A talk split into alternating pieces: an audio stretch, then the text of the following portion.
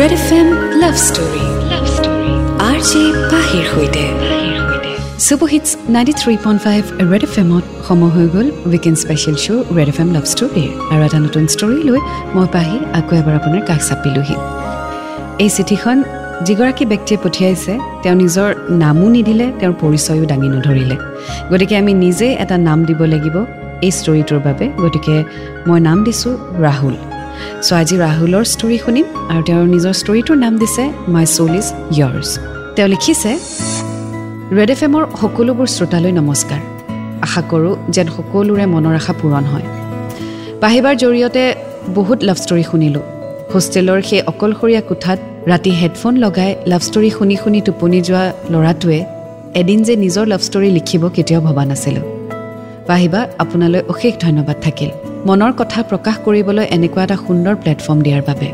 আৰু সকলো শ্ৰোতালৈ মোৰ এটাই অনুৰোধ মোৰ এই ষ্টৰিটো যাতে এটা নতুন দিশ লয় তাৰ বাবে এবাৰ প্ৰাৰ্থনা কৰে।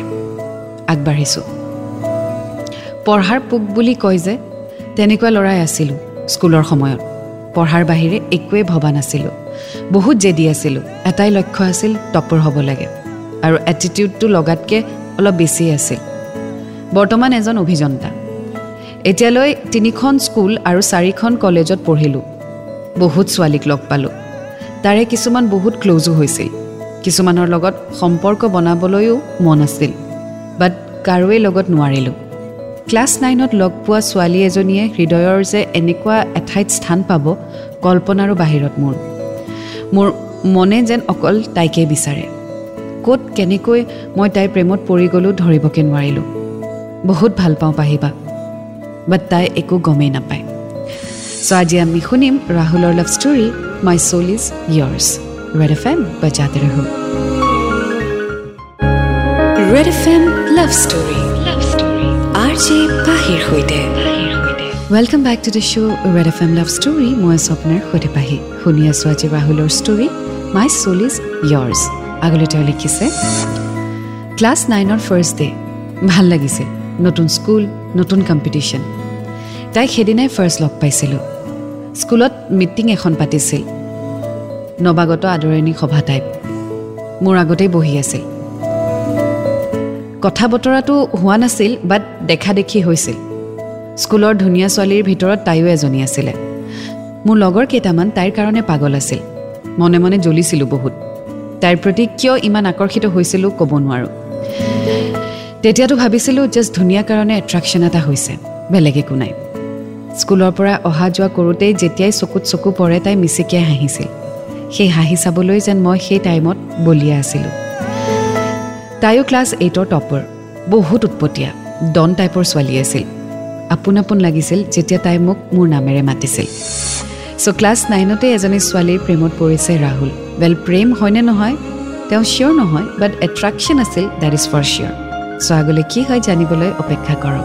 ৰেড এফ এম বজাতে ৰহো Red F M love story R J পাহিৰ সৈতে ৱেলকাম বেক শুনি আছে আপুনি weekend special show' love story মই আছোঁ আপোনাৰ সৈতে পাহি।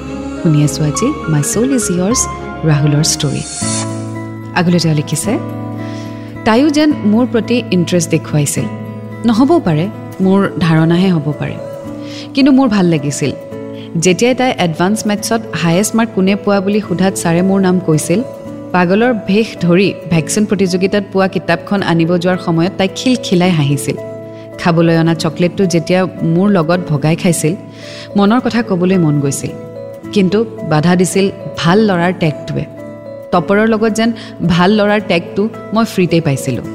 ছাৰ বাইদেউসকলেও ভাল ল'ৰা বুলিয়ে জানিছিল।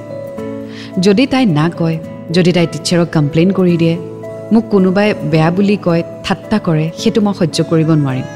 আৰু সেইকাৰণে মই মোৰ মনৰ কথা তাইৰ আগত কোৱা নাছিলোঁ। আত্মসন্মানৰ খাতিৰত চব পাহৰিছিলোঁ। চ' যদিও ৰাহুলৰ মন আছিলে তাইক নিজৰ মনৰ কথা শ্বেয়াৰ কৰা বা কনফিউজ কৰাৰ বাট চামহাও তেওঁ নিজকে কণ্ট্ৰল কৰিলে। আৰু সেয়া হৈছে ভাল ল'ৰাৰ টেগ বা তেওঁৰ ইগ' বা তেওঁৰ যিটো কলেজত বা স্কুলত যিটো ইমেজ সেইটো যাতে ব্ৰেক নহয়। চ' আগলৈ কি হয় জানিবলৈ অকণমান অপেক্ষা কৰক এণ্ড ৰেড এফ এম বজাতে ৰহক।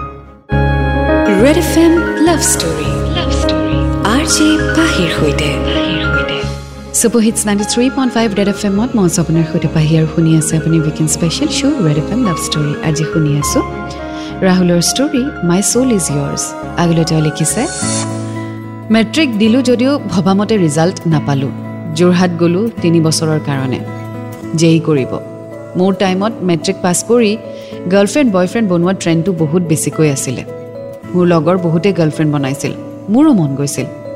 এনেকুৱা এজনৰ লগত থাকিব যিয়ে মোৰ প্ৰতিটো কামতে লগত থাকে মোক বুজে দুখৰ টাইমত সাহস দিয়ে মোক নিজৰ বুলি ভাবে বাট ভয় লাগিছিল।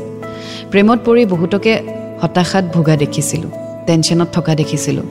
বহুত চোকা ল'ৰা ছোৱালী পঢ়াৰ প্ৰতি ইণ্টাৰেষ্ট নোহোৱা হোৱা দেখিছিলোঁ। তাইক বহুত মিছ কৰিছিলোঁ। মাজতে খবৰ পালোঁ তাই ল'ৰা এজনৰ লগত ৰিলেশ্যনশ্বিপতো সোমাইছে। বহুত বেছিয়ে বেয়া লাগিছিল।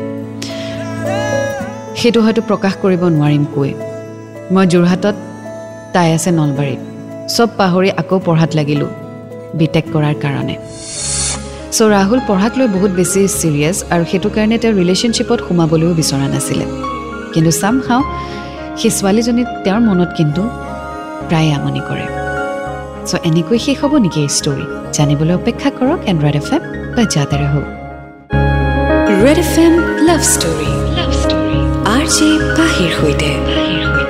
welcome back to the show' Red F M love story মই আছোঁ আপোনাৰ সৈতে পাহি। আৰু আজি শুনি আছোঁ ৰাহুলৰ story my soul is yours আগলৈ চিঠিখনত লিখিছে সেই ক্লাছ এইটৰ টপাৰ ছোৱালীজনীয়ে এইচ এছত ছেকেণ্ড ডিভিজন পালে আৰু সেই খবৰটো মই পালোঁ। এক্সাম বেয়া হোৱাৰ মূলতে আছিল তাইৰ প্ৰেম। ক্লাছ কৰিব এৰি বয়ফ্ৰেণ্ডৰ লগত ঘূৰি ফুৰে। দেউতাকে গম পাই হেনো তাইৰ মোবাইল ফোনো ভাঙিছিলে। এইবোৰ কথা যেতিয়া লগৰবোৰৰ পৰা শুনো বহুত বেয়া লাগে। বহুত বেয়া লাগে পঢ়িবলৈ ইচ্ছা নোযোৱা হৈ যায়। কামত মনেই নবহে।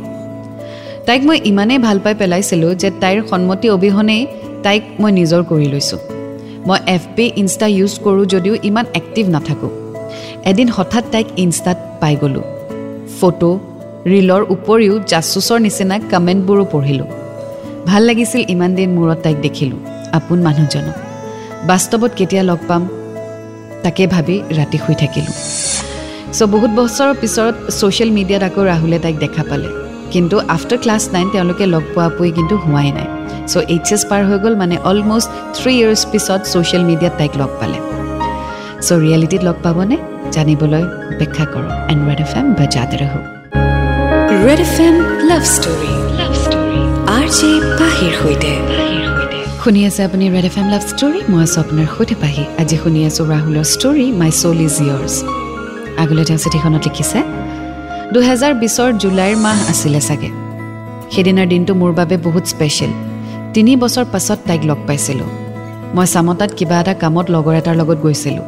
আহি থাকোঁতে টেম্পু ষ্টেণ্ডত সেই চিনাকি মুখখন লগৰটোৱে গুচি গ'ল। মোক দেখিয়েই তাই মিচিকিয়াই দিছিল। কিমান দিন যে দেখা নাছিলোঁ এই হাঁহিটি। লগালগ চাইকেল লৈ তাইৰ ওচৰত পালোঁ। অলপ সময় আমি কথা পাতিলোঁ। তাৰ মাজতেই গম পালোঁ যে তাই বি এছ চি নাৰ্ছিঙৰ কাৰণে কোচিং কৰি আছে। মোক সোধাত ময়ো ক'লোঁ যে বৰ্তমান মই কোকৰাঝাৰত বি টেক কৰি আছোঁ। এনেকৈ অকণমান সময় কথা পাতিলোঁ আৰু তেতিয়া ৰিয়েলাইজ কৰিলোঁ যে লগৰটো অলৰেডি গ'লগৈ। মই তাইক যাওঁ বুলি কৈ পিছত লগ পাম বুলি তাৰ পৰা গুচি আহিলোঁ। সেই দৌৰা দৌৰিত যে মোবাইল নম্বৰটো ল'বলৈও থাকি গ'ল। সেইদিনাখন আহি তাইৰ কথাকে ভাবি থাকিলোঁ। মনৰ মানুহজনীক তিনি বছৰৰ পিছত অলপ সময়ৰ বাবে কাষত পাই আত্মহাৰা হৈ পৰিছিলোঁ। চ' ফাইনেলি তেওঁ লগ পালে আফটাৰ থ্ৰী ইয়াৰ্ছ কিন্তু যিখিনি ফিলিংছ ইমান দিনে ৰাহুলে লুকুৱাই থৈছে সেই ফিলিংছখিনি এক্সপ্ৰেছ কৰিবনে? জানিবলৈ ৱেইট কৰক এণ্ড ৰেড এফ এম বাজাতে ৰহক। Red F M love story love story R J পাহিৰ সৈতে। Super hits ninety three point five Red F এমত মই আছোঁ আপোনাৰ সৈতে পাহি আজি শুনি আছে আপুনি weekend special show' Red F M love story শুনি আছোঁ ৰাহুলৰ story my soul is yours আগলৈ তেওঁ লিখিছে তাৰপিছত আৰু লগ পোৱা নহ'ল কলেজ খুলিলে কোকৰাঝাৰ গ'লোঁ assignment class test poster presentation group discussion এইবোৰৰ মাজত আকৌ সোমাই পৰিলোঁ এদিন হঠাৎ লগৰ এটাৰ হোৱাটছএপৰ পৰা ভইচ ৰেকৰ্ডিং এটা আহিল পিছত সি ক'লে তাই হেনো তাহাঁতৰ লগত আছে। হোৱাটছএপত মই তাক দিয়া মেছেজৰ ৰিপ্লাই তাইৰ মাতেৰেই পাই শ্বক্ট হৈ গ'লোঁ। সেইটো ৰেকৰ্ডিং ৰাতি শোৱাৰ টাইমত কিমান যে বজালোঁ হিচাপ নাই। তাইৰ কথা ভাবিয়েই মোৰ টোপনি গ'ল সেইদিনা। So' although' they are in distance but then somehow ৰাহুলে তাইৰ কথা মনৰ পৰা আঁতৰাব পৰা নাই। তেওঁ কোকৰাঝাৰত আৰু ছোৱালীজনী নলবাৰীত। বাট তথাপিও তাইক কিন্তু ইমান বছৰে ৰাহুলে মনৰ পৰা আঁতৰাব পৰা নাই which is a true feeling but নিজৰ ফিলিং এক্সপ্ৰেছ কৰিবনে ৱেইট কৰক। ৰেড এফ এম বা জাতে ৰহ Red F M love story love story R J পাহিৰ সৈতে। Welcome back to the show' Red F M love story মই আছোঁ আপোনাৰ সৈতে পাহি। আজি শুনি আছোঁ ৰাহুলৰ story my soul is yours আগলৈ তাই লিখিছে কৰোণাৰ দ্বিতীয় ঢৌ। ঘৰ আহিলোঁ। সৰু সুৰা কাম এটাত সোমালোঁ কনষ্ট্ৰাকশ্যন লাইনৰ আজিলৈ তিনিবাৰ দেখিলোঁ তাইক। স্কুটিখন চলাই নলবাৰী টাউনলৈ গৈ থাকে। মাস্ক আৰু হেলমেটৰ কাৰণে তাই মোক ধৰিবই নোৱাৰে। টাউনেৰে অহা যোৱা কৰোঁতে কিমান যে ছোৱালীৰ মুখ দেখোঁ আজিকালি। তাইকে বিচাৰি ফুৰোঁ সকলোতে। মোৰ তাইজনীক যদি তুমিও ৰেড এফ এমৰ এই শ্ব' শুনি আছা তোমাক এটাই কথা ক'ব বিচাৰোঁ যে ভাল পাওঁ তোমাক। অন্তৰৰ পৰা ভাল পাওঁ তোমাক।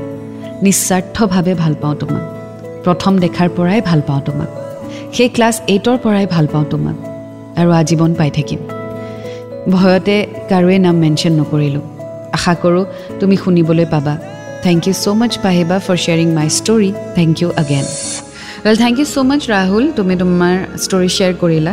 ৱেল ৰাহুল নামটো ময়ে দিছোঁ। I don't even know' your name but I just hope যে তুমি যাৰ কথা মেনশ্যন কৰিছা তেওঁ এই ষ্টৰিটি শুনে আৰু তেওঁ যাতে গম পায় যে তুমি এই ষ্টৰিটো শ্বেয়াৰ কৰিছা। I just hope and pray যে এটলিষ্ট ইজনে সিজনক ফিলিংছখিনি এটলিষ্ট কনফিউজ কৰা।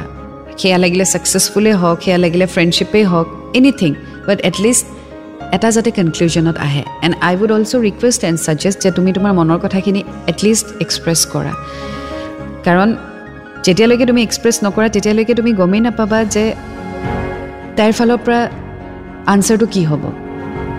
এটলিষ্ট ফ্ৰেণ্ডশ্বিপৰ খাতিৰত ফ্ৰেণ্ডশ্বিপটোকে ষ্ট্ৰং কৰা। গেট ইন টাচ ইনষ্টাগ্ৰামত আছে বুলি কৈছা so' get in touch phone number লোৱা কথা পাতা share your moments spend some time together আৰু তাৰপিছত তোমাৰ মনৰ কথাখিনি খুলি ক'বা। And if you are listening যাৰ কথা ৰাহুলে মেনশ্যন কৰিছে তুমি যদি শুনি আছা আৰু তুমি যদি বুজি পাইছা যে এইটো ষ্টৰি তোমাৰেই হয় দেন চামহাও হয়তো ৰাহুল খুব বেছি লাজকুৰীয়া বা হয়তো সংকোচ কৰিছে আৰু প্ৰথম কথাটো তোমাক বহুত বেছি সন্মান কৰে সেইকাৰণে হয়তো তেওঁ এই ষ্টেপটো ল'ব পৰা নাই। So' please break the ice for him and thank you so' much for sharing her story এয়া আছিলে আজিৰ story my soul is yours আপুনিও আপোনাৰ ষ্টৰিসমূহ চিঠিৰ জৰিয়তে পঠিয়াই থাকিব আৰু আপুনি এড্ৰেছ দি ইউটিউবত লাভ ষ্টৰিটি শেষ হোৱাৰ পিছতেই ঠিকনাটি পাব আৰু ডিছক্ৰিপশ্যনতো এড্ৰেছটি দিয়া থাকে আপুনি তাৰ পৰা লৈ ল'ব পাৰিব। খালি এটাই ৰিকুৱেষ্ট কৰিম যে আপোনাৰ বয়স ওঠৰ বছৰতকৈ বেছি হ'ব লাগিব। কোনো ধৰণৰ যাতে ভাইলেঞ্চ নাথাকে সেইটো মন কৰিব। ছ'চিয়েলি যাতে একচেপ্টেবল ষ্টৰি হয় সেইটো চাব। প্লাছ যদি আপোনাৰ পাৰ্টনাৰৰ অলৰেডি বিয়া হৈ গৈছে আই উড ছাজেষ্ট যে আপুনি সেই ষ্টৰিটো আমাৰ সৈতে শ্বেয়াৰ নকৰে। কাৰণ তেওঁ অলৰেডি এটি নিউ লাইফ ষ্টাৰ্ট কৰিছে। তেওঁৰ লাইফটোত যাতে প্ৰব্লেম নহয় সেইটো প্লিজ মন কৰিব। চ' তেনেকুৱা ধৰণৰ ষ্টৰি আমালৈ নপঠিয়াব। চ' আকৌ লগ পাম এটি নতুন ষ্টৰীৰ সৈতে। Until then to fall in love it's a great feeling you will get to learn a lot and always remember I love you Red F M বাজাতে ৰহো